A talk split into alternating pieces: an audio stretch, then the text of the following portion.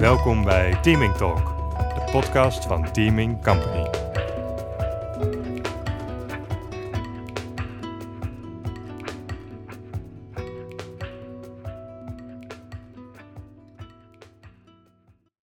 Aan de basis van ons werk ligt het teamontwikkelingsmodel. Vandaag gaan we in op het model zelf, hoe het eruit ziet en hoe het is opgebouwd. En in een volgende podcast zullen we uh, praktijkvoorbeelden met je delen en je ook uh, uitleggen hoe wij het model gebruiken in onze praktijk. Goedemiddag Marieke. Hey Hans, goedemiddag. Fijn dat je er weer bent. Uh, we, gaan, we gaan het hebben over het teamontwikkelingsmodel. Maar voordat we de inhoud induiken, heb jij nog iets nodig? Wil je nog iets kwijt voordat we die inhoud induiken? Nee, ik ben er helemaal klaar voor. Nou, ik zei het al, het teamontwikkelingsmodel. Wat is het model en hoe is het tot stand gekomen? Nou, het model, de naam zegt het al. Het laat zien wat de verschillende fasen van teamontwikkeling zijn. Um, en wel grappig, ik denk dat heel veel mensen kennen het model van Tuckman. En als je zegt Tuckman, dan wordt het niet herkend. Maar als je zegt uh, forming, storming, norming, performing, adjourning of morning, dan is het, oh ja, al die ingetjes. En dat model, als je ook op internet kijkt, zie je dat in allerlei vormen. En de, terwijl ik al een tijd met dat model werkte, uh, kwam ik in een workshop terecht over dialoog bij William Isaacs. En die introduceerde daar een model over dialoog en uh, conversaties van Otto Scharmer. En toen ik dat zag, toen dacht ik, wauw, dit, hier past het model van Tukman op. Alleen het, het charmante van het model van Charme vind ik dat hij twee assen introduceert. Hij introduceert uh, een as reflex en reflectie. Mm -hmm.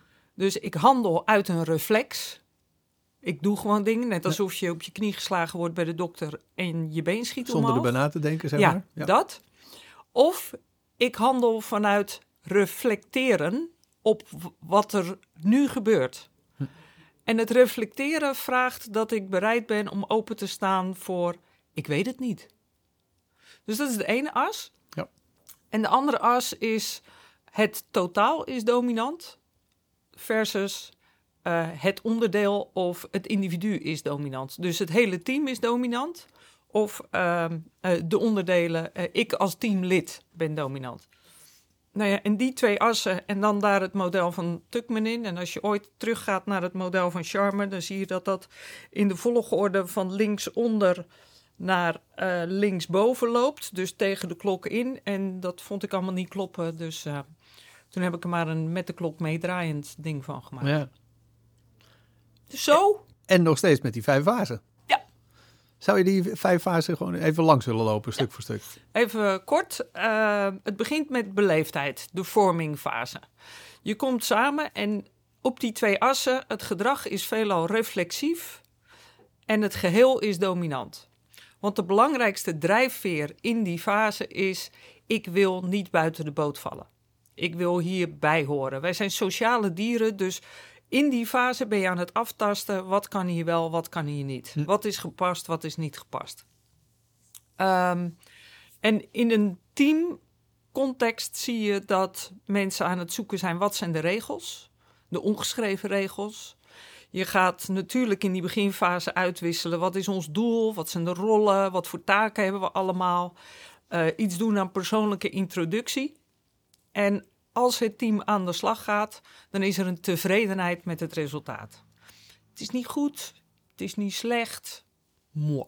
Hm. Daar kan een team heel lang in blijven. Tegelijkertijd, heel veel teams komen op een moment in een breakdown of in een storming. Dat is die tweede fase. Je zit nog steeds aan de reflexieve kant. Alleen nu is niet meer het geheel dominant, maar het individu wordt dominant.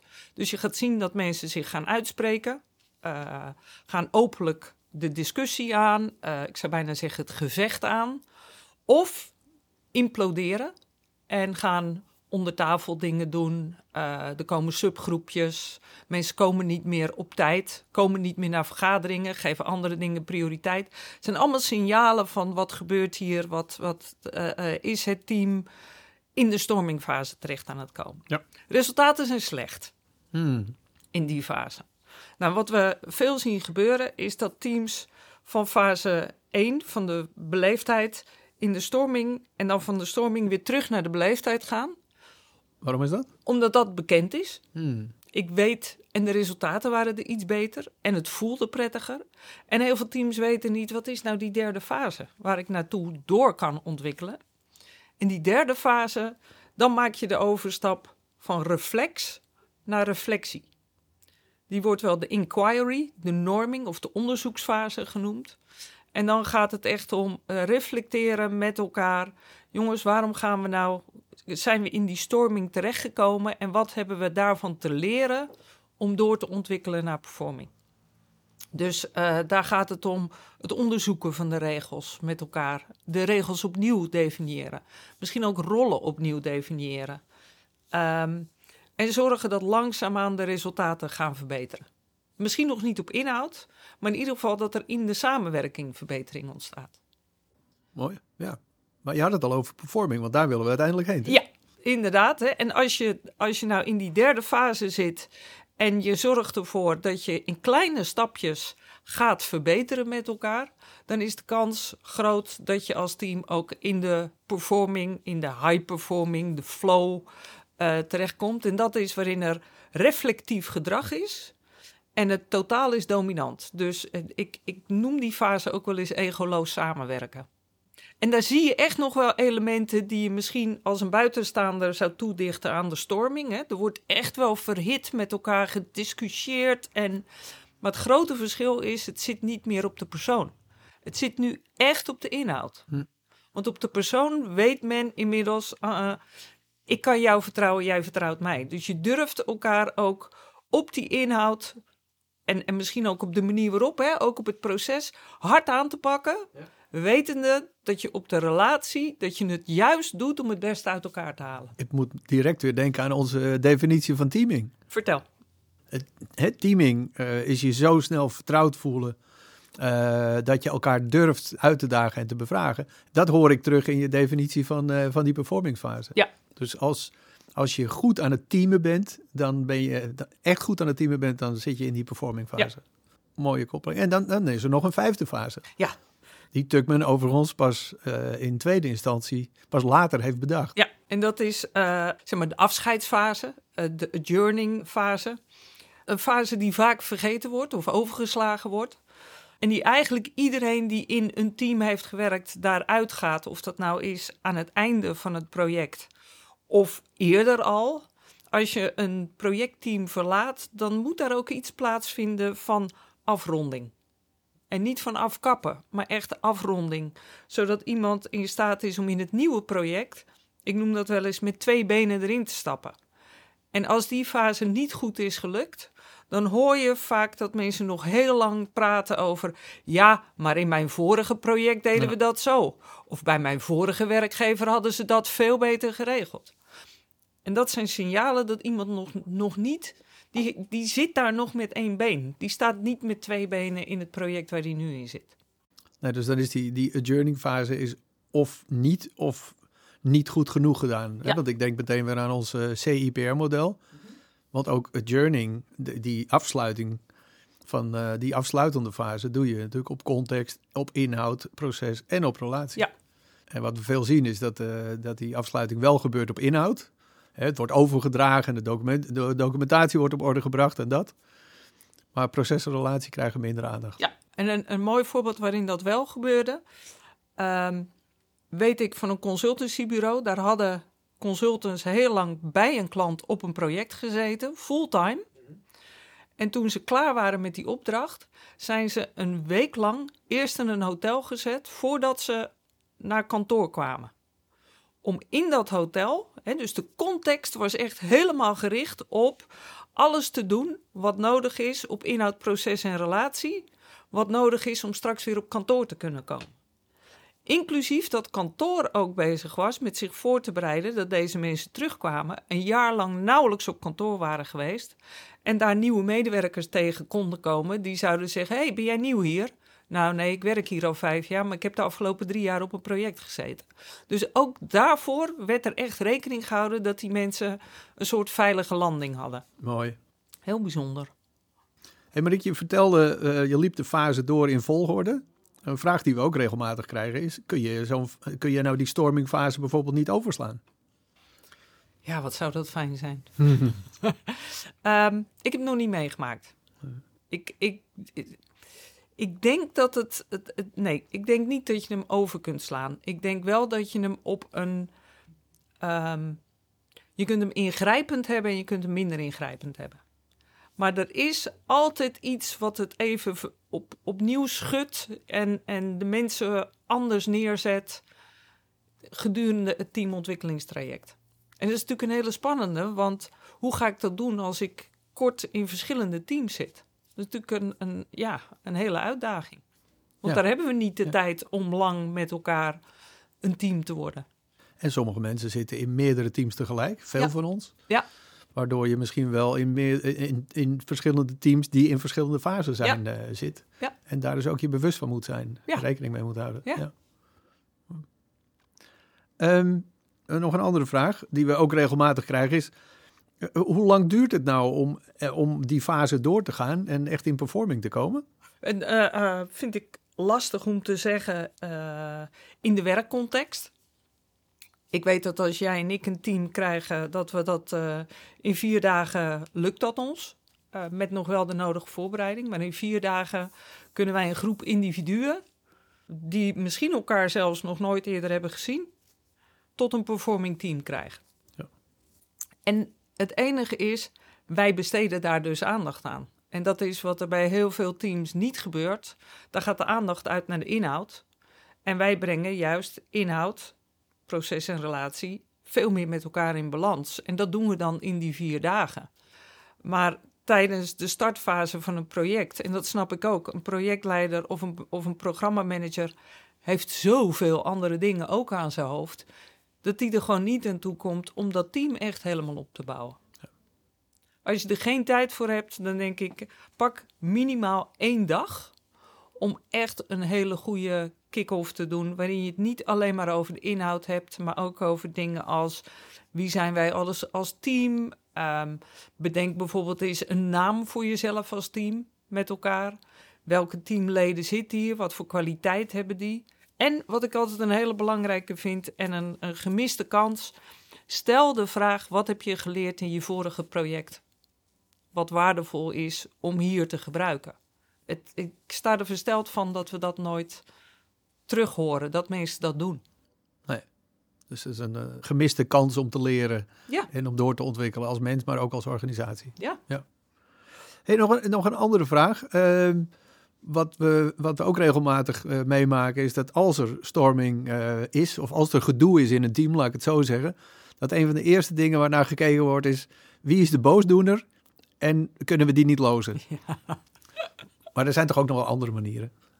Nou, sterker nog, ehm, als je de boosdoener loost, om het even in die woorden ook eh, te zeggen, realiseer je wat je aan onveiligheid creëert. Hè, dan is het, wij hebben dus een cultuur waarin we een boosdoener zoeken of vinden en die zetten we er buiten. In plaats van te kijken, nee, die boosdoener heeft een functie. De meeste mensen staan echt niet 's ochtends op met het idee: ik ga vandaag eens even lekker mijn werk saboteren. Nee. Dus die boosdoener, die staat ook niet met dat idee op. Die heeft wel een boodschap. En ja, je moet ook durven om naar die boodschap te luisteren. Ja. Dus ehm, nee, dat is zeker geen optie. Wel kijken naar wat zegt die boosdoener en wat is het effect daarvan op alle anderen.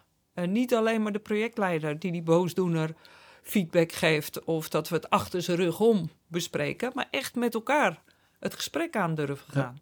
Met de boosdoener erbij. Ja. Ja, maar ook kijken wat is waardevol in dat wat de boosdoener te zeggen heeft. Want hij heeft ook iets waardevol te zeggen. Mijn ervaring is dat de meeste boosdoeners die we tegen, tegenkomen in ons werk, is dat dat mensen zijn die heel betrokken zijn. Ja. Die, die heel erg voor kwaliteit gaan en heel erg, eh, ja, de, de- dus, dus, dus die, die kritiek en die boosheid, die komt eh, voort vanuit de frustratie van, potverdorie, eh, we doen hier water bij de wijn of we hadden beter een andere keuze kunnen maken. Dus ook in die zin. Ja. Als je dat eenmaal weet, als we daar eenmaal achter komen, dan is het gesprek ook makkelijker te voeren en Ja. dan kun je het team weer bij elkaar brengen. Ja. En kan die boosdoener een hele waardevolle kracht worden binnen, dat, uh, binnen datzelfde team. Ja. Um, misschien nog een, nog een andere vraag, een laatste vraag. Uh, wie, wie, is er nou eigenlijk verantwoordelijk voor uh, teamontwikkeling? Is dat die projectleider of uh, wie doet dat? In mijn beleving het hele team, alle teamleden. Ja. Maar ik moet je ook eerlijk bekennen, er zijn ook teamleiders die dat naar zich toe trekken. En er dan later gelukkig of hopelijk achterkomen dat dat niet de juiste weg is. Hm. Volgens mij kun je dat niet alleen. Het, het, is een, uh, een te grote broek die je aantrekt als je daar als leider alleen verantwoordelijk voor zou zijn. Hetzelfde vind ik ook als je het uitbesteedt aan één persoon. Je kunt het misschien uitbesteden aan één persoon die het proces gaat faciliteren wat we nodig hebben om als team ons verder te ontwikkelen, maar niet dat die verantwoordelijk is voor de teamontwikkeling. Nee, die verantwoordelijkheid ligt bij iedereen. Ja, en dus ook het, um, het je bewust worden van Laat ik een voorbeeld geven. Ik heb, uh, binnenkort heb ik een overleg. En ik had op dat overleg een andere afspraak staan. En ik dacht, ma, komt me eigenlijk wel mooi uit. Ik laat lekker die andere afspraak staan. Totdat ik bij mezelf ging kijken van, ja, wacht even. Wat is er nou aan de hand? Ik laat een andere afspraak staan, terwijl ik ook kan kijken of ik die kan verzetten. En dat heb ik inmiddels gedaan, maar het mhm. was ook even een check van waarom zegt mijn recalcitrante ik, oh dat laat ik lekker staan en dan kan ik bij dat overleg maar een half uur aanwezig zijn en uh, toedeledokie, weet je dat. Ja. Om daarin wel te checken van wacht even, ik heb dus iets te doen nu om te zorgen niet alleen dat die agenda schoon is, maar ook dat ik schoon ben ten opzichte van die anderen om dat overleg te hebben. Ik moet daar, of ik moet daar iets zeggen. Hè, de vraag is, moet ik daar iets delen? van wat me misschien dwars zit? Of heb ik bij mezelf ergens mee te dealen? Ja. Dat vind ik altijd Delen mooi. of dealen. Ja. Mooi. Hebben we zo'n beetje alles uh, besproken wat betreft het teamontwikkelingsmodel? Nee, natuurlijk niet, want daar valt nog zoveel oh, meer over te vertellen. maar ik denk voor nu wel genoeg, toch? Ja, volgens mij hebben we mooi rond, letterlijk en figuurlijk. Ja. En naar de luisteraar wil ik zeggen, wil je meer weten over het teamontwikkelingsmodel? Lees dan ons boekje Vijf frustraties van projectmanagers waarin we het model uh, grondig uitleggen, waarin we praktische voorbeelden geven en waarin we met videofragmenten uh, illustreren uh, hoe elke fase eruit ziet. Marieke, dankjewel. Graag gedaan.